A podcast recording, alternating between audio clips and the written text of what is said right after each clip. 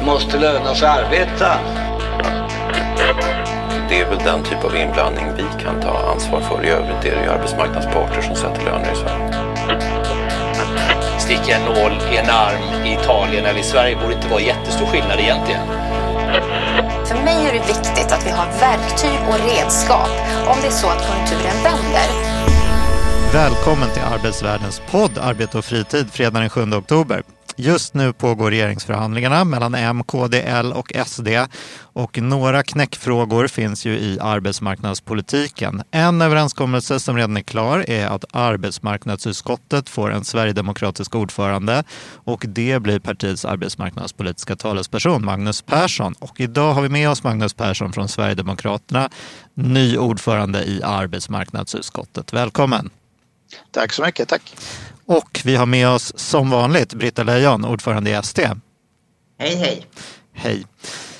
Magnus Persson, ny ordförande i arbetsmarknadsutskottet. Du har suttit i arbetsmarknadsutskottet sedan du kom in i riksdagen 2014 eh, och eh, du blev invald för Dalarnas läns valkrets, men du bor i Bromölla i nordöstra Skåne och sitter sedan länge i fullmäktige i kommunen där. På Twitter så presenterar du dig som nationalist och jägare och har fäst ditt valbudskap från 2022 om ökad återvandring i topp. Men du har också ett förflutet i Byggnads och inom socialdemokratin. Så jag tänkte börja med att be dig berätta lite om dig själv. Ja, 52 år gammal kille, uppvuxen i Bromölla, tvåbarnsfar, sambo, bor i villa. Eh, alltid varit politiskt intresserad, medlem i Socialdemokraterna en period i min ungdom. Den hade svårt att komma in och bli aktiv i partiet. Då är Bromölla en kommun som tidigare hade socialdemokratisk majoritet så väldigt svårt för ungdomar att komma in. Eh, mitt politiska intresse vaknade mer till liv eh, vid eh, Sveriges inträde i EU då eh, jag var väldigt skeptisk till framförallt jakt och viltvårdsfrågor då eh, det är någonting som jag håller på mycket på fritiden som hela min familj har gjort i generationer. Och då började jag titta på andra partier lite, gick med i Sverigedemokraterna 2004, blev invald för Sverigedemokraterna 2006 i Bromölla kommun. 2010 så växte vi ganska mycket. Då blev det för mycket. Då blev, fick jag lämna mina uppdrag som skyddsombud och facklig förtroendeman inom Byggnads. På den vägen är det. Och så kandiderade jag till riksdagen 2014 och eh, kom in och blev då arbetsmiljöpolitisk talesperson till att börja med. Då med min bakgrund då som skyddsombud bland annat. Så på den vägen är det. Jag har hört att du går under smeknamnet Fackpampen internt i Sverigedemokraterna. Stämmer det? Ja, det, det kan vara så att jag gör det och det är absolut inget jag skäms för. Jag tillhör väl den falangen i partiet som ligger lite mer till vänster än andra kanske. Men så är det i alla partier. Det finns ju ofta lite olika skalor och jag tillhör väl den sidan och det är, det är ingenting jag skäms för. Du, nu vill man ju veta, vi pratar ju medan regeringsförhandlingar pågår. Vilka anser du vara de viktigaste arbetsmarknadsfrågorna som ligger på bordet nu i regeringsförhandlingarna? Det är ganska, ganska många frågor som är viktiga som ligger på bordet. Jag menar, det är ju ingen hemlighet att a-kassan är en viktig fråga. Vi har, vi har till exempel eh, utstationeringsdirektiven som jag anser också vara en viktig fråga. Och många frågor har vi ju löst i och med den, den stora LAS-proppen som eh, en nästan enig riksdag tog, eh, tog nu innan valet. Där löstes många knutar så att eh, det är väl de frågorna idag som är ganska viktiga tycker jag. Ja. Jag tänkte också att kanske inledningsvis vi skulle säga någonting om vad det innebär att vara ordförande i ett riksdagsutskott. Vad är din uppfattning Magnus? Vad kommer du ha för roll? Vad kommer du ha för makt nu? Ja, det var en bra fråga för jag får ofta den frågan och många tror ju att eh, som ordförande i utskottet har en väldigt politisk makt och kan lägga förslag och dylikt och det stämmer ju inte. Ordförandens roll är leda mötena tillsammans med sitt presidium och eh, kansliet. Eh, den enda man säger som man säger, politiska makten jag har det är att jag har utslagsrösten vid lika votering. Annars handlar det om le leda och fördela mötena helt enkelt. Den biten. Och vara en representant för arbetsmarknadsutskottet framförallt också. Jag har inte mer privilegier liksom. Jag kan inte lägga skarpa förslag i utskottet med någon annan liksom. Jag har bara en röst. Va? Så att, eh, blir ofta en fel bild när man diskuterar detta. Ja. Britta, visst har du varit vice ordförande i ett riksdagsutskott? Mm, i justitieutskottet. Jag har suttit i arbetsmarknadsutskottet också, men där var jag bara vanlig ledamot. Ja, men, så det stämmer ju det som Magnus säger. Eh, men jag skulle nog vilja lägga till två, två dimensioner. Att vara ordförande i ett utskott är olika beroende på hur, hur regeringens eh, majoritetsförhållande i riksdagen ser ut. Om man är ordförande när det finns en enpartiregering eller en regering med ett väldigt stabilt riksdagsunderlag där de ingående partierna känner varandra väl och litar på varandra, då är det väldigt mycket mindre att göra som ordförande. Då är det verkligen bara att leda mötena ungefär. Men om man sitter som ordförande i en sån här situation som är nu, där det är många partier som utgör ett regeringsunderlag och som måste hålla ihop, då blir ju rollen som ordförande i ett utskott betydligt mycket mer arbetsam och viktig. Eh, för då ska man för det första se till att bidra till att de partier som utgör regeringsunderlaget håller ihop i det utskottet man själv ansvarar för och där de sakfrågorna finns som man ansvarar för. Så det, det handlar om att bidra till att hålla ihop men sen naturligtvis också att få igenom eh, den egna liksom, regeringsmajoritetens förslag i utskottet och då måste man ju bland annat förutse vad andra partier, vad oppositionen kan komma med för förslag så att inte några delar av sitt eget, ens eget regeringsunderlag tycker att de där förslagen som oppositionen kommer med är mer lockande. Så att det handlar, det, det kan bli mycket mer, arbet, det blir mycket mer arbetsamt i ett sånt här parlamentariskt läge. Du var ju inne på att eh, du står lite till vänster i partiet, Magnus. Och eh, du har ju bland annat sagt i en intervju att i arbetsmarknads och välfärdsfrågor ligger vi betydligt längre till vänster än både Moderaterna och Kristdemokraterna. Hur är ni vänster i arbetsmarknadspolitiken? Ja, jag har till och med blivit anklagad i riksdagens talarstol till att ligga mer vänster än Vänsterpartiet. Men, eh, nej, framförallt när a-kassa men också framförallt när det gäller eh, eh vissa EU-regler, lex Laval, utstationeringsdirektiv med mera och konflikträtt och dylikt och, och den biten liksom. Så vi, vi har ju alltid prioriterat att värna svenska löntagare och där har vi varit väldigt tydliga. Jag menar, det var ju Sverigedemokraterna som var den avgörande rösten på att eh, lex Laval inte revs upp. Det var vi tillsammans med Socialdemokraterna som tog det beslutet i riksdagen. Va? Så, att, så det är ingen hemlighet. Mm. Vi ska prata om a-kassan också och mm. eh, där eh, har ju du sagt att eh, ni är en garant för att en borgerlig regering inte sänker a-kassan, eh, vad jag vill minnas. Och eh, det har varit lite fram och tillbaka om, om ni är den där garanten eller om det är en förhandlingsfråga. Eh, men ni, ehm, vad, hur ser du på det där i förhandlingarna? Nivån ja. på a-kassan? Jag har väl sagt att vi är en garant i ett konservativt block för att vi inte ska gå för långt till höger. Jag tror det var de orden jag använde. Eh, nu kommer jag vara sådär tråkig. Nu är det regeringsförhandlingar så jag kommer inte uttala mig alls för jag vet faktiskt inte hur förhandlingarna går. Jag sitter inte med något underlag överhuvudtaget så att jag vet, har ingen aning vad som diskuteras när det gäller regeringsförhandlingar för tillfället. Så eh, jag, passar på den frågan men jag står för det jag har sagt att vi är, vi är garanten i ett konservativt block för att det inte ska gå för långt till höger och det, det är ju en syn som jag delar med min partiledare också. Han har varit väldigt tydlig med det också.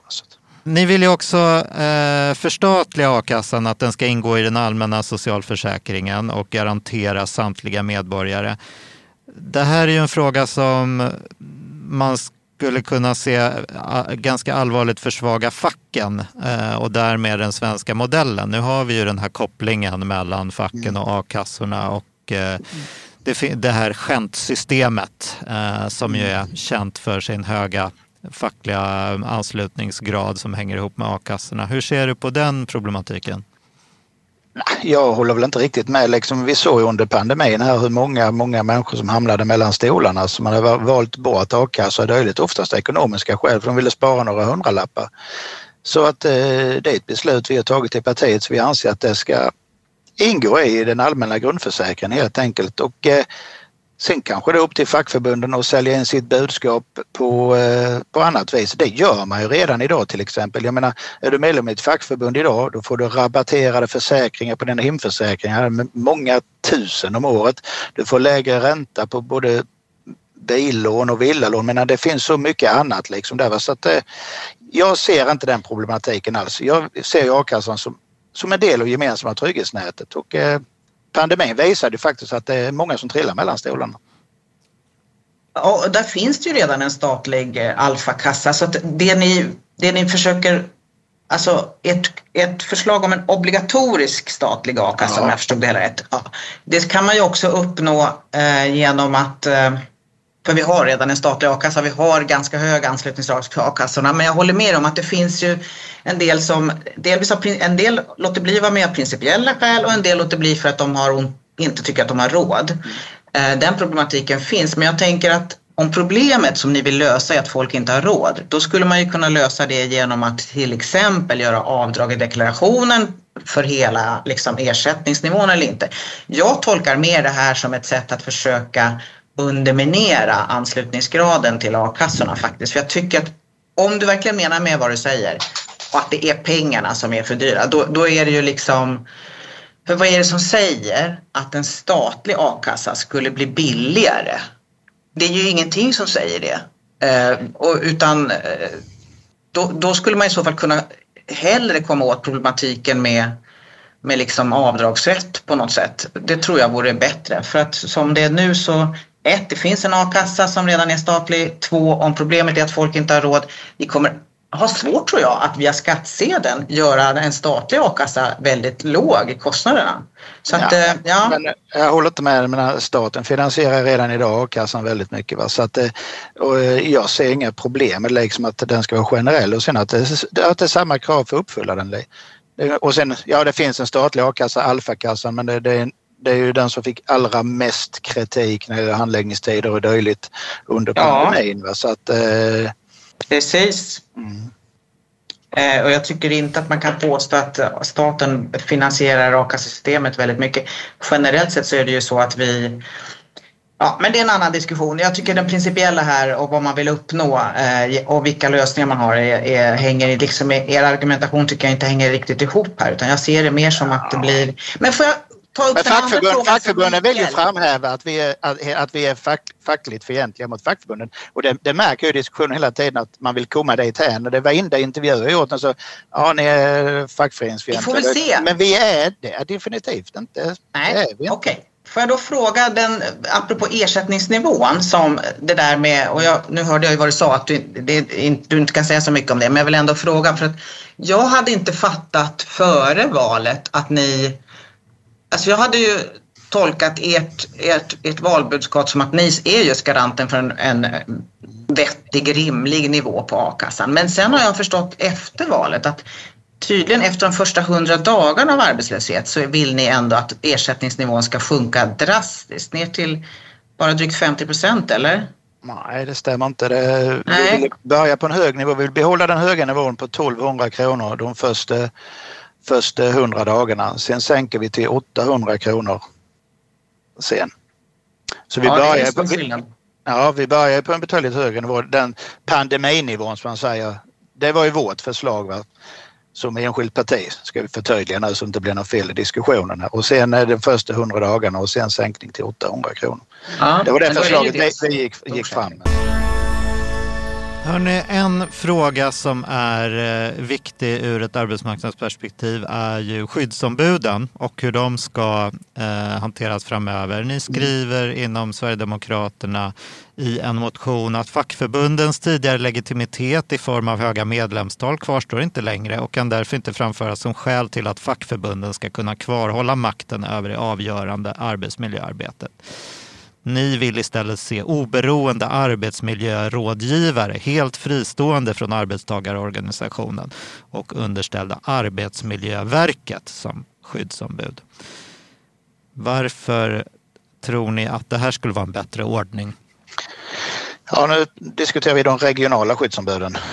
Vi får skilja på lokala skyddsombud och regionala. Men eh, det här är ju en situation som jag vill säga att eh, fackförbunden själva har skapat att ens denna frågan hamnar på bordet.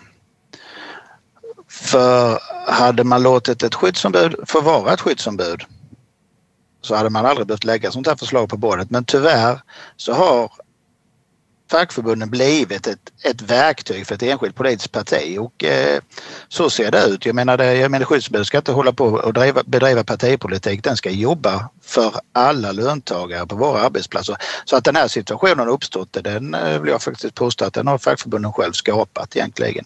Jag vet ju själv min erfarenhet som eh, skyddsombud. Jag hamnade på partiskola direkt på Runneberga till exempel eh, för Socialdemokraterna liksom, så jag vet hur den där processen ser ut.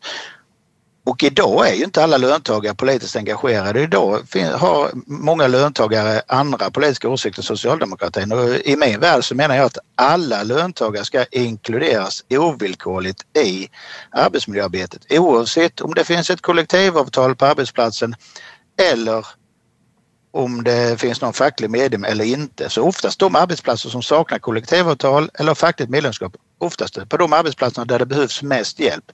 Så det är det jag menar att vi ställer ju löntagare utanför med dagens system. Hade vi inte gjort det så hade, jag aldrig, hade vi aldrig lagt det här förslaget. Men politiseringen är viktigare för många än ett arbetsmiljöarbete för alla och det är det som är grunden till hela detta förslaget.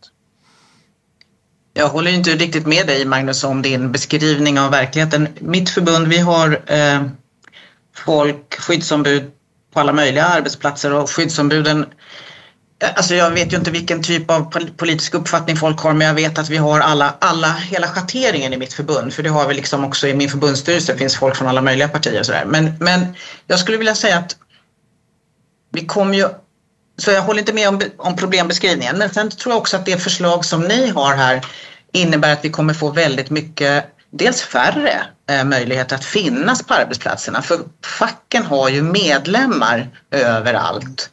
Eh, vi kommer aldrig kunna ha tillräckligt många anställda på ett arbetsmiljöverk eller ett inspektionsverk av något slag för att kunna täcka upp för det bortfallet som det skulle bli om vi liksom inte hade möjligheter att utse skyddsombud och ha aktiva medlemmar på Ja, både regionalt och lokalt. Då. Men, men, så, så det är den ena biten, alltså att vi skulle närvaron på arbetsplatserna skulle bli mycket lägre. Den, men den andra biten som jag också tycker är viktig att, att fundera kring ett sånt här, sånt här förslag, det är också liksom behovet av att facket ska kunna skydda sina skyddsombud. Alltså jag har också varit skyddsombud själv, började min fackliga bana för jättelänge sedan. Som det. det är ju en viktig arbetsuppgift för facket att faktiskt skydda skyddsombuden. För det är ju inte sällan som skyddsombuden kommer och är ganska besvärliga gentemot arbetsgivaren. Lyfter problem som finns i arbetsmiljön och kommer med förslag som inte alla gånger älskas av arbetsgivaren. Vi har, vi har för närvarande pågående superkrångliga tvister på en del av våra arbetsplatser. Då är det otroligt väsentligt att man som, att man som skyddsombud känner att man kan få en backning och stöd av den fackliga organisationen. Eh, så att jag, jag, jag, jag tycker att det skulle det ni föreslår bli verklighet så skulle arbetsmiljöarbetet gå många, många steg bakåt i utvecklingen och vi skulle, vi skulle få mycket svårare att ha ha kontroll på hur arbetsmiljön ser ut på arbetsplatserna och förbättra den helt enkelt. Ja, nu glider vi lite, lite in här på de lokala skyddsombuden och eh, där har jag inga problem med att eh, facket utser dem, att facket är med där och bidrar. Eh, facket spelar en jätteviktig roll på våra svenska arbetsplatser. Men eh, makten ska ligga, när det gäller lokala skyddsombud som vi nu diskuterar lite här, så då tycker jag makten ska ligga på arbetsplatsen. Idag har ju facket vetorätt. Menar, löntagarna på en arbetsplats kan utse ett lokalt skyddsombud. En kille som är drivande, engagerad och driftig. Men han sitter i kommunfullmäktige på Sverigedemokraterna och då, då får han inte ha jobbet för de anser, han, anser då fackförbundet till exempel att han, han är inte lämplig. Det, det är den här logiken och det här tankesättet som jag har väldigt stora problem med, det är politiseringen helt enkelt. Och den vill jag få väck. För jag vill vara första att säga att fackförbundet spelar en jätteviktig roll på svensk arbetsmarknad och vi står bakom den svenska modellen, inga problem med det. Men facket får snart börja välja. Antingen representerar man alla sina medlemmar eller representerar man ett enskilt politiskt parti. Och det valet måste fackförbunden ta snart tycker jag. Det är det som är grunden till allt detta. För så är det liksom. Jag, jag har jobbat i så många, 26 år ute på byggarbetsplatser så jag vet exakt hur det fungerar. Mm. mm. Men du, så här. Jag, jag, tycker att du blandar ihop saker lite grann. För att skyddsombuden är ju, de ska ju inte företräda bara sina egna medlemmar. De ska ju företräda alla anställda på arbetsplatsen. Eh, oavsett vad, liksom, vad man råkar vara utsedd av för fack. Eh, och man måste ju samarbeta om det finns flera skyddsombud lokalt också från olika fackliga organisationer. Så det, det är ju ett ansvar som skyddsombuden har. Och eh, det här som du tar upp när utifrån din egen erfarenhet då, att, att du ser att det blir någon sorts politisering. Det är, en, det är ju i mina ögon en helt annan fråga. Det handlar ju om att fackliga organisationer har sina liksom, regler och måste kunna ha ett ansvar för att man tycker att man lever upp till de stadgar och de värdegrunder man har. Men jag kan förstå att det utifrån din partitillhörighet och din, ditt tidigare engagemang som skyddsombud har blivit eh, ja, att det, det bär du med dig som ett problem. Men jag, jag tycker att det är en helt annan fråga faktiskt och jag är väldigt orolig för att de förslag ni kommer med kommer att innebära att arbetsmiljöarbetet blir väldigt mycket sämre på våra arbetsplatser runt om i landet. Ja, jag, jag tror inte, jag håller inte med där riktigt. Men när, när det gäller lokala skyddsombud så handlar det om fackets vetorätt. Annars har vi inga andra förslag där. Jag menar, jag kan dra tillbaka den. Tio år som skyddsombud över en natt så var jag olämplig som skyddsombud. Jag menar det, det är ganska bisarrt i min värld. Och sen när det gäller de regionala skyddsombuden så har vi tagit del av en utvärdering nu till exempel. Tyvärr så blir det ingen oberoende granskning av dem. Det ville vi ha, liksom att man granskade sig själv. Det tycker jag var synd.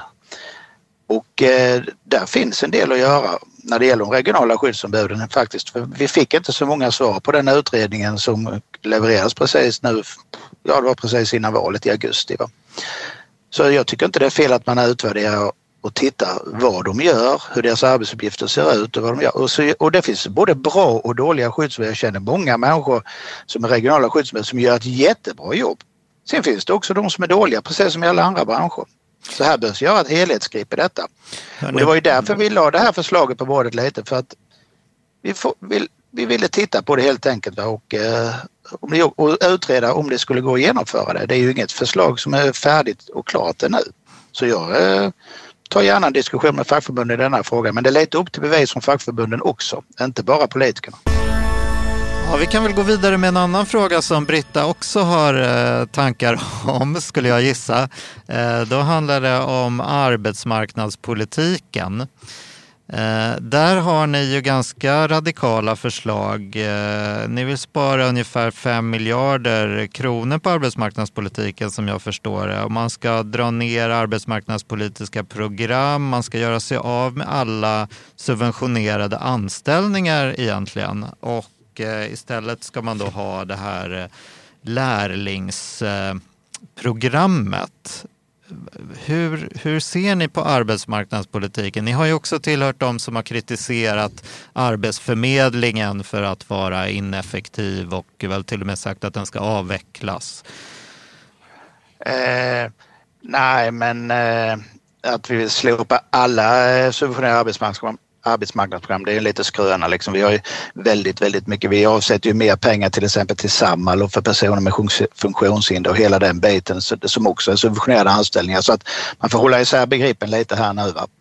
Eh, det vi är väldigt kritiska mot det är de arbetsmarknadsåtgärder som man, man tar ut nystartsjobb, instegsjobb med mera som har genererat så litet antal reguljära anställningar under så lång tid och till så extremt dyra kostnader. Man måste hitta andra vägar. För det har ju liksom varit ett ganska misslyckande. Vi har ju vissa åtgärder till exempel där eh, inte ens 5% har gått vidare till en reguljär anställning efter sex månader till exempel eller åtta månader eller tolv månader i ett projekt till exempel. Och det här är något som har pågått i många, många, många år med samma dåliga resultat. Det händer ingenting. Nu gick vi ju med i, i den gemensamma budgeten med MKD. Då, då behöll vi nystartsjobben för det är ju de som har gått minst dåligt så att säga. För utfallet har varit väldigt, väldigt dåligt och det erkänner till och med regeringen liksom. Men regeringen har hela tiden pratat om sysselsättning istället för arbetslöshet. För det slutar man, man prata om EUs lägsta arbetslöshet när det inte funkar. Då börjar man prata om sysselsättningsgrad istället. Ja, vi har extremt hög sysselsättningsgrad i Sverige. Men då räknar man ju liksom in alla som går på subventionerade anställningar, de är inte självförsörjare, som går på bidragsfinansierade anställningar. Vi vill att vi ska börja mäta i reguljära anställningar istället, för det är mer rättvist.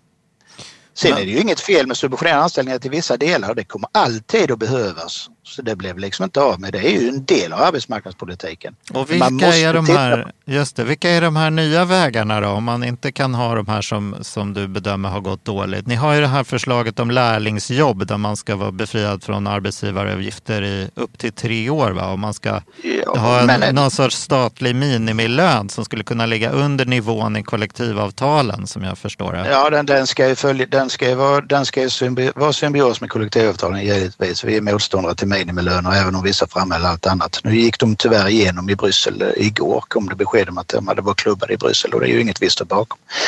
Eh, nej, nej, det, dels handlar det om att göra det lättare för företagen att anställa också men det handlar kanske om sänkta arbetsgivaravgifter med mera liksom. Vi har många förslag liksom på den biten också för det är hela tiden fokus på löntagarna. Man kanske börjar titta på företagen med lite så företagen vågar anställa. Ställa krav på individerna för omskolning, vidareutbildning med mera. Det är väldigt viktigt. Vi har extremt mycket personer i arbetsför ålder som står väldigt långt från arbetsmarknaden och det är ett stort problem idag. Vi är alltså, vi ökar befolkningsmängd väldigt, väldigt mycket men det följer inte med i antal personer som går till reguljär anställning. Det minskar. Så det är allt färre personer som ska försörja allt fler och det är en ekvation som inte kommer hålla i det långa loppet och det, det förstår säkert ni också. Så, men där låter, det, där låter det som en mer eh, traditionell borgerlig arbetsmarknadspolitik på just det området då? Nej, det tycker jag inte. Jag tycker det låter mer som sunt förnuft i min värld. Får jag lägga till något där? Ja. Får jag backa bandet? Eh, för jag menar, en av anledningarna till att, alltså, ja, det där med hur programmen funkar eller inte, det kan man alltid ha synpunkter på och förbättra, absolut. Men en av anledningarna till att vi har haft problem med att ha en välfungerande arbetsmarknadspolitik de senaste åren det är ju att MKD-budgeten 2018 slaktade Arbetsförmedlingen. Ehm, hälften av människorna fick gå och Arbetsförmedlingens kontor lämnade halva Sverige. Det blev en halvering av antalet kontor och anställda. Så att liksom de här långsiktiga samarbeten med det lokala näringslivet och, liksom, och kommuner som många gånger har varit otroligt viktigt för att få in folk på först, sina första liksom, jobb.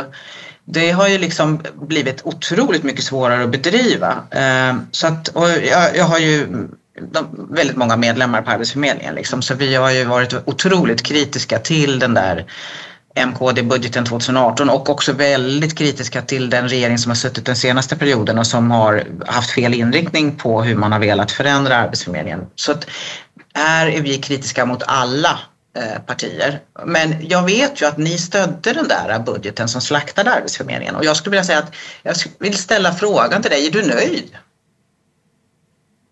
Eh, med resultatet? Ja men eh, det är jag nöjd med resultatet. Nej, vi är inte färdiga med reformeringen av Arbetsförmedlingen på långa, långa vägar. Eh, vi vill också reformera Arbetsförmedlingen. Det är ingen hemlighet med det. Va? Och eh, hade inte pandemin kommit så tror jag vi hade haft ett helt annat eh, resultat idag. Den stoppade upp hela reformeringen tyvärr. Och menar när man träffar Maria Mindhammar och, och, som har dragning i utskottet vet du, så att eh, hon ser väldigt positivt på det. Vet du, att arbetet fortgår med mera. Sen eh, kanske vissa saker kunde gjorts bättre på ett annat vis också. Men eh, reformeringen av Arbetsförmedlingen den står vi bakom alla dagar i veckan för Arbetsförmedlingen som det såg ut, de hade de hade ju misslyckats med sitt uppdrag. Jag menar, för man, de, det genererade ju inga reguljära anställningar. Det var mer en utbildningsmyndighet och mer att man skickade folk i, i åtgärdsprogram istället för att skapa riktiga arbeten. Va? Så att eh, en reformering av Arbetsförmedlingen den var nödvändig. Sen, ja sen kan man väl se hur resultatet har blivit har blivit. Va? Och sen kom ju januariöverenskommelsen där de satte sina regler. Och, Absolut, eh, det är vi kritiska mot också men jag, skulle, jag tycker att ordet reformering är en, en uppsminkad variant av vad det handlar om. Det handlar om att slakta arbetsmarknadspolitiken. Vi har extrema behov av en aktiv arbetsmarknadspolitik i hela landet och nu finns det inte längre det verktyg som hade varit både gamla och tillträdande regeringens största, största liksom tjänst i ett sånt här arbete finns, är liksom avlövat sin förmåga. Så att jag, och jag tycker också det här är väldigt allvarligt att man liksom har backat från halva Sverige. Liksom. Så att jag, ja, jag är det, stämmer ju, det stämmer ju inte. Det, det, är ofta det att det finns massa vita fläckar i Sverige. Och, menar, det stämmer ju inte. Pratar man med Arbetsförmedlingen själv så säger de att det stämmer inte. De har representation idag nästintill överallt i hela Sverige. Så att det är en skröna det där. Nej, det är ingen skröna. Man har lagt över en del uppgifter på Statens servicecenter som finns istället. Men där är det bara hjälp till att få hjälp och knappa in sina uppgifter i en dator. Det är inte det långsiktiga arbetsförmedlandet som handlar om att stötta individer som står långt från arbetsmarknaden. Så här tror jag att vi kommer få återkomma till både er och den nya majoriteten och försöka förklara vad är det som krävs för att de som står långt från jobben ska kunna komma in i jobb och då är det liksom inte det är inte någon quick fix eh, utan det är ett långsiktigt arbete som krävs. Visst är det det. Va? Och vi har väldigt, väldigt många människor som står långt ifrån arbetsmarknaden och nu går vi in i en lågkonjunktur och då hamnar de ännu längre från arbetsmarknaden så problemen blir inte lättare utan de förvärras Precis. hela tiden. Mm. Och de har ingen arbetsförmedling till hjälp längre. Så ja. det var därför min fråga om du var nöjd. Nöjd är jag inte för vi är inte färdiga med arbetet. Du nämnde ju LAS-överenskommelsen eh, tidigare Magnus och att den har löst en del frågor kanske i arbetsmarknadspolitiken för en tid framöver. Ni ville ju före dess också öka antalet undantag från turordningsreglerna för små företag. Men det där, eh, efter överenskommelsen så ska vi föreställa oss att de där frågorna inte kommer komma upp under närmsta mandatperioden igen, eller arbetsrätten? Eller hur ser du på det? Eh, nej, nej, de finns inte längre. Vi har ju ställt oss bakom den här överenskommelsen eh, fullt ut och vi anser att det är bra att parterna sköter detta så att eh, vi har, de har vi släppt nu för undantagen ökades ju till viss del tre i samtliga plus lite andra regler så att eh, vi kände väl att vi har nått fram där och att eh, det finns ingen anledning liksom att driva vidare de frågorna. Så det är en fråga vi har släppt. Ja. Strejkrätten är ju en annan arbetsrättsfråga. Där har det funnits förslag om eh, inskränkt inskränkta sympatiåtgärder och någon sorts proportionalitetsprincip i konflikträtten. Nu hänvisar du till en enskild motion av två stycken ledamöter och eh, en motion som inte ens eh, partiet står bakom. Och, för det är ju så när man ledamöter lägger enskilda motioner så röstar partiet till 99,99 procent ,99 nej till dem i varenda utskott. Va? Eh, så att så är det. Va? Så att, eh, när, det gällde, när den frågan var med strejkrätten var uppe så kan ni gå upp och eh, titta gärna på vår följdmotion. Vi vill gå betydligt längre än Socialdemokraterna i den frågan till exempel. Då, va? Så, att, eh, så nu är det en enskild motion jag hänvisar till och det är inte partiets politik överhuvudtaget. All right. ja, men det är bra att få klargjort. Mm. Um, du var inne på lex Laval också. Där är, jag vet inte om, den, om du ser att den frågan kan komma upp Många borgerliga partier vill ju återinföra lex Laval, alltså det vill säga den lag mm. som begränsade mm. fackens rätt att ta till stridsåtgärder när utstationerade arbetare från EU-länder inte hade svenska kollektivavtalsvillkor. Men mm. hur ska ni hindra att uh, den kommer upp? Ja, det vet jag inte. Jag, jag, vet ju alltså inte om dessa frågorna ens ligger med på förhandlingsbordet eller vad som händer efter det eller att vissa frågor lämnas därhän som det säger. Det, det, det, det är sånt man inte vet. Mm. Så det kan jag inte svara på. Va? Men det är ju ingen hemlighet att eh, Sverigedemokraterna är ett EU-kritiskt parti och eh, jag förväntar mig att vi fortfarande kommer att vara det. Va? Och Sen är det en liten, liten passus, är det bara att titta hur majoritetsförhållandena ser ut i arbetsmarknadsutskottet på den frågan så sitt. Va? Så att, eh, där har ju Socialdemokraterna och Sverigedemokraterna egen majoritet om det skulle vara så. Va? så att, men nu vet vi inte vad det är som kommer ut ur förhandlingarna överhuvudtaget. Va? Så att. En annan fråga är arbetskraftsinvandring. Där vill ni ju eh, ha ett eh, arbetstillstånd för arbetskraftsinvandrare som ska vara tillfälligt och direkt knutet till anställningen och ni vill återinföra den statliga arbetsmarknadsprövningen. Ja, det har vi gått till val på och eh, väldigt tydligt. Men nu ligger ju inte den frågan på mitt utskott. Den, det kan man tro att den gör, men den ligger faktiskt i socialförsäkringsutskottet av någon lustig anledning. Men eh, jag, jag är insatt i den. Det har vi gått till val på, ja precis. Och eh, det är en politik vi har drivit hela tiden.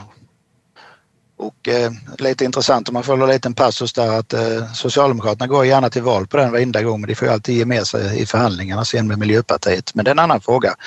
Men det är säkert en fråga som också diskuteras i förhandlingarna så den vet vi inte heller var den landar. Jag vet inte alls på vilken nivå man för förhandlingarna, om det, hur stort och övergripande det kommer att bli. Så att jag är lika spänd som er för vad som kommer ut ur detta faktiskt och det kommer ju påverka vårt politiska arbete i utskotten, alla ledamöter också. Vi, det, det är jättesvårt för oss också just nu att veta vad det tar vägen. Mm. Vad, får man fråga en lite bredare fråga? Så här, hur, hur, häng, på vilket sätt hänger migration och arbetsmarknadsfrågor ihop för, för dig, för Sverigedemokraterna? Ja, det, det hänger väl väldigt, väldigt, väldigt mycket ihop tycker jag. Liksom det, det, det, vi har väl haft en väldigt, väldigt hög invandring till Sverige i många, många, många år och tittar man på de som står längst ifrån arbetsmarknaden så är det ju ofta utrikesfödda och det är ju en konsekvens av den förda invandringspolitiken och det är ingen hemlighet. Det har ju, det har ju varenda parti i Sveriges riksdag accepterat idag att det ser ut så. Men du får en fråga i det sammanhanget då. Eh, för du sa i något av dina tidigare beskrivningar av problemen på svensk arbetsmarknad att, vi, att det är för få som jobbar och försörjer resten av befolkningen. Ja. Det där med liksom... Och, och, och, man kan ju... Om man tänker lite framåt och ser hur demografin ser ut så är det ju så att vi kommer ha problem med allt för få i yrkesverksam ålder framöver. Mm. Eh, och det är ett problem vi delar med de flesta europeiska länderna. Det föds för få. Eh, sådär. Så att jag ser ju att vi, om vi ska klara av att ha en välfungerande samhällsekonomi och välfärd och vara konkurrenskraftiga så kommer liksom inte den egna... Vi kommer vara beroende av att vi har faktiskt en välfungerande fortsatt eh, invandring till Sverige för vi behöver fler som, som finns i yrkesverksam ålder. Så det är ju också ett viktigt perspektiv faktiskt. Det är väldigt många av dem som, som kommer som jobbar. Eh, sen är det som du säger att det tar tid för de som inte är utbildade så tar det jättelång tid. Men den tiden har ju ändå minskat de senaste åren just för att behoven, vi har ju haft en sån bra fart i ekonomin så det har blivit allt fler har ju ändå fått jobb. Men jag tänker, om man tänker lite långsiktigt här så kommer vi att behöva bli fler i yrkesverksam ålder i Sverige. Vad tänker du kring det? Ja, så ser det ju ut eh, längre fram i tiden, men så ser det inte ut nu. Liksom. Vi har ett extremt stort utanförskap nu. Va? Jag menar, vi har en ekvation, jag menar alla de människorna som är i Sverige nu, de kommer ju liksom när du den situation du beskriver, då är de pensionärer, de är, då är de för gamla för att jobba liksom. Det är det så, så, så Det är inte så långt fram du. Vi har, vi har, haft, vi har, haft, vi har liksom haft en alldeles för stor invandring på för kort tid. Hade vi haft en reglerad invandring som vi hade kunnat hantera så hade ju den här ekvationen löst sig själv hela tiden. Men så gör, blir det inte nu så det är ju ingen hemlighet. Liksom. Vi har ju väldigt, väldigt mycket lära av våra nordiska grannländer när det gäller den här frågan. Jag menar när man sitter i, när man sitter i kommuner och räknar på att det kanske är billigare att förtidspensionera personer i arbetsför ålder än att sätta dem i arbetsmarknadsåtgärder för de står för långt från arbetsmarknaden. Då är det något som är fel. Det måste till och med ni förstå eller inse. Invandrarna har ju den, den äh, egenheten också att de är i ganska gynnsam ålder när man mm. kommer. Så att man går ju faktiskt inte i pension så snabbt. Men jag tänkte få passa på att fråga. Det är intressant tycker jag med dig som har liksom varit inne och nosat på socialdemokratin och sen blivit sverigedemokrat. Det här med eh, förhållandet till liksom klass kontra nationalitet.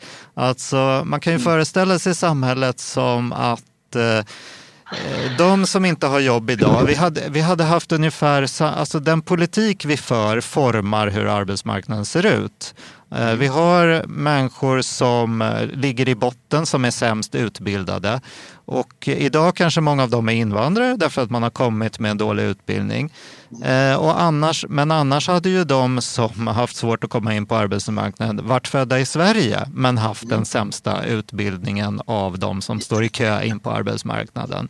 Och jag menar, vi hade haft samma, vi hade haft samma antal busschaufförer och eh, de här jobben som och undersköterskor, jobbs och städare. Eh, med, alltså, det bygger på hur vi bygger upp vårt samhälle. Det bygger ja. inte, och, och vilka som är underklass och överklass och inte så mycket på vilka som kommer från olika länder. Hur, hur ja, tänker du kring det där? Ja, det, det, det, det är en intressant eh, tes och fråga och eh, om man bryter ner det och tittar på Sverigedemokraterna, vilka är Sverigedemokraternas väljare?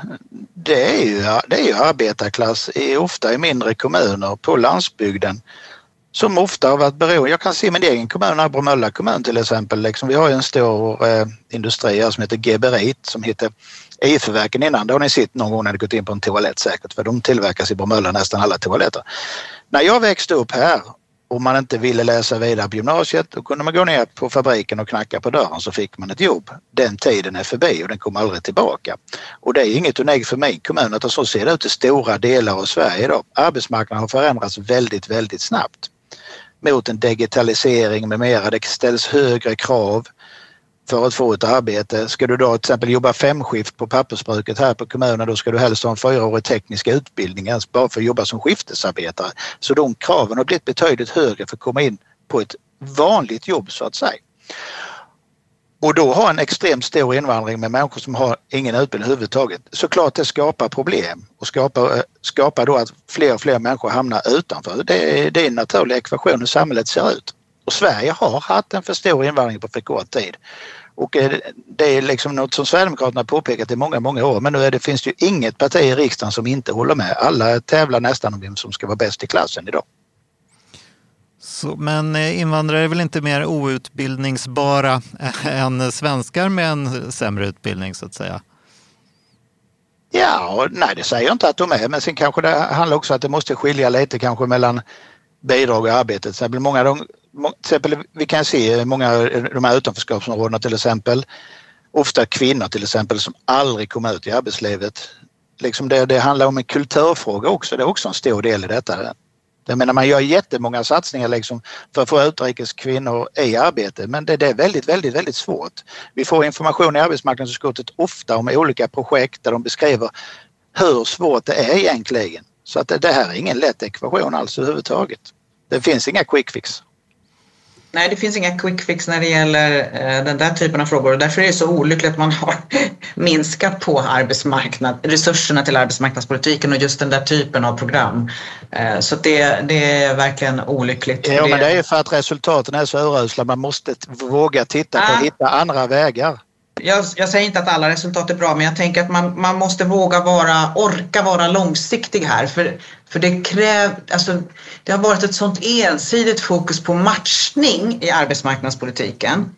Och vi har anledning, och jag skulle vilja säga att det det har ju ändå varit så att det har gått med de program som har funnits, har det varit fullt möjligt för en arbetsgivare att få alla kostnader betalda. Och ändå är det så att det är svårt för, för en del att få jobb. Och då handlar det inte längre om att det är bill, för dyrt för arbetsgivarna utan det handlar om kompetensen som, som behöver byggas på. Och då, då är det ju bara så att kommer man och har låg utbildning, kanske till och med analfabet, för så, sådana lägen har vi också. Då, då, måste man inse att arbetsmarknadspolitiken måste orka vara och ha förutsättningar att vara långsiktig. Vi måste kunna klä på människor den utbildning de saknar och de kompetenser de saknar. Det gör man inte på en kafferast. Så att långsiktighet och tillräckligt med resurser i arbetsmarknadspolitiken och också tillräckligt med arbetsförmedlare för att göra det här. Det är det som saknas. Jag tänkte hinna med en liten sak som dök upp eh, häromdagen också. Det var ju eh, Richard Jomshofs kritik mot eh, diskrimineringslagen. Och det... Ja, den ligger på mitt spår, inte på hans. Ja, just det. Men det är ju en arbetsmarknadsfråga i mycket. Jajamän. Hur, hur ska man Alltså det var ju, det, ni har väl varit inne på lite två förslag. Antingen ta bort eh, lagen helt, vilket kanske är svårt med tanke på liksom, eh, konventioner och EUs reglering. Ja. Eh, och sen det här att införa en extra kategori i det här som handlar om partitillhörighet. Hur ser du på det där? Eh, ja, jag har ju aldrig varit med i en diskussion om att lagen ska tas het men det här med partitillhörighet och det här, hela den kategorin, det har ju diskuterats i många år. Det har till och med lyft i konstitutionsutskottet tror jag i, i riksdagen. Så att, eh, Rickards uttalande får ju han stå för, liksom. det är inget jag kommenterar. Mm. Alltså om man, vill, om man vill åstadkomma en bra arbetsmiljö och, och skydda folk på jobbet från, från eh, liksom utsatthet så är ju diskrimineringslagen väldigt viktig. Jag skulle, om inte du hade tänkt ta upp det Mikael så skulle jag också vilja slå ett slag för jämställdhetslagstiftningen och kampen mot osakliga löneskillnader. Eh, som jag antar kommer att ligga på ditt bord också. Eh, så att, har du någon uppfattning om det Magnus? Eh, ja, det är ju ingen hemlighet att eh, kvinnor generellt har lägre lön än män och det det tycker jag är synd att det ska vara lika lön, lika arbete, punkt slut. Sen är vi väldigt motståndare i form av kvotering och hela den biten men eh, eh, oavsett om du är man eller kvinna så är det samma arbete ska ha samma lön givetvis. Nu är det en fråga, vi har ju, nu har vi fått in vår eh, jämställdhetspolitiska talesperson Mikael Rubbestad som ny ledamot i arbetsmarknadsutskottet. Så det är han som kommer handla de frågorna framöver så att eh, det ska bli intressant att följa hans arbete där. För att han satt i utbildningsutskottet innan men nu har jag fått han i mitt utskott för det var ett önskemål jag hade till ledningen att talespersonen i jämställdhetsfrågor han ska sitta i arbetsmarknadsutskottet för där ligger de frågorna.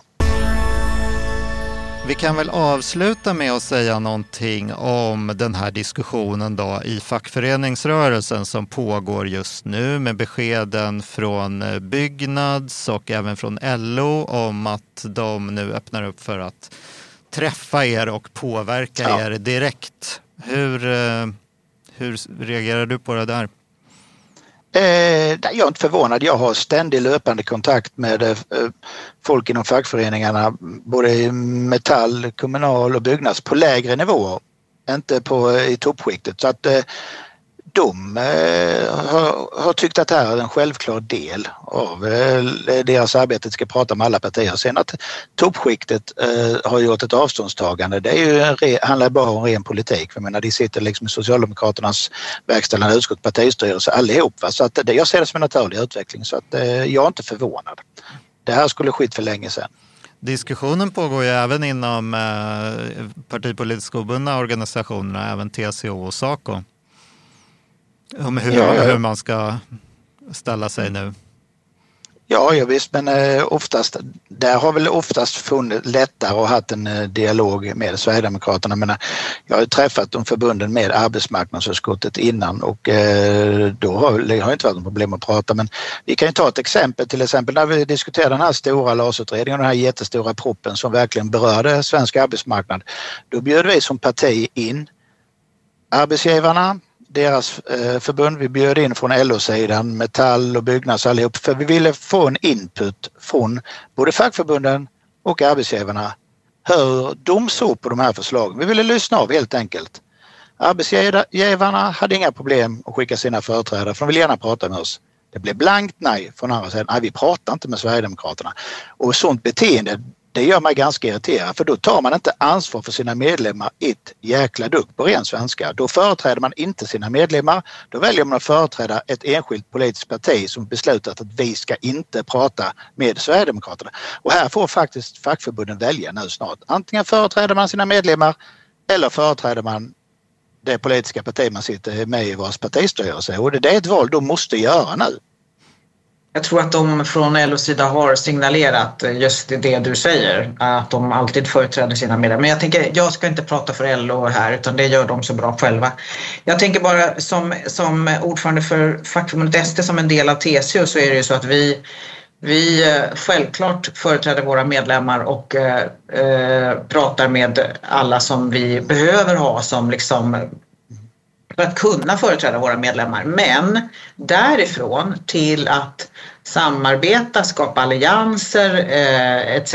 Det, det gör vi inte med något parti eh, kommer vi inte göra med er heller och vi kommer se det som vår viktiga uppgift också att beskriva var både er, eh, era hållningar går på tvärs med vad vi anser är viktigt. Så att eh, jag, jag, jag tror att det kommer vara otroligt viktigt framöver för vi vill ju se ett samhälle där där oavsett om vi pratar om rättvisa på jobbet eller om vi pratar om hur välfärden och samhället i Sverige ska utformas, där vi menar att det är viktigt att alla människor har rätt till skydd och trygghet oavsett om man har liksom kommit från Ukraina eller om man är infödd. Det liksom spelar ingen roll. Alla, alla har rätt till eh, goda villkor på jobbet och eh, rättvisa förutsättningar i samhället.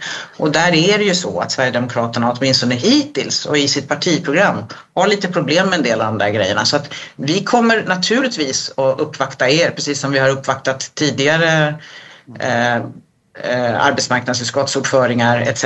Men, men vi kommer också vara väldigt tydliga med våra värderingar för vi har många medlemmar som eh, upplever att deras rättigheter inte tas tillvara av er. Ja, ja, det är bara att beklaga men eh, oftast får vi höra det att i ert partiprogram står det att eh, vi inte delar alla människors lika värde hit. Det är den vanliga floskeln. Det håller jag inte med. Men i övrigt håller jag med dig till 100 procent. Det du beskriver. Jag önskar att alla fackförbund resonerade som ni gör, att de ser sig som politiskt obundna. Det är, ju, det är så jag vill se det. Är, jag vill ju inte att varken Sverigedemokrater eller Socialdemokrater ska styra enskilda fackförbund. Det ska inga politiska partier göra. Fackförbunden ska kunna prata för sina medlemmars intresse och välja vilka partier de vill prata om överhuvudtaget. Så att där håller jag med dig till 100 procent i den frågan. Där är ni helt rätt på det. Så jag hoppas bara att de andra fackförbunden hakar på det tåget. Sen kritiken mot vårt partiprogram, det, det håller jag inte med om. Det har jag hört liksom i leda nu sen 2006. Du lär få fortsätta höra det. Ja, så, länge har, så länge det ser ut som det gör. Så, så jag hemskt liksom att man dricker blod och käkar barn ibland känns det som. Men ja, ja, men så är det. Vi är väldigt stora inom svensk arbetarrörelse och, så att eh, något bra gör vi tydligen. Hörni, tack så mycket Magnus Persson för att du var med i podden idag. Tack. Och tack till dig Britta som alltid är med nästan. Inte alltid, men ofta. Ja. Hörni, bra. Vi slutar där för idag. Jag säger bara uppmanar eh, lyssnarna att eh, fortsätta höra av sig och eh, berätta om vad vi ska prata i kommande poddar och eh, att eh, inte glömma att trycka på prenumerationsknappen så man inte missar några avsnitt framöver. För vi är tillbaks igen snart om sisådär två veckor. Tack så mycket. Hej!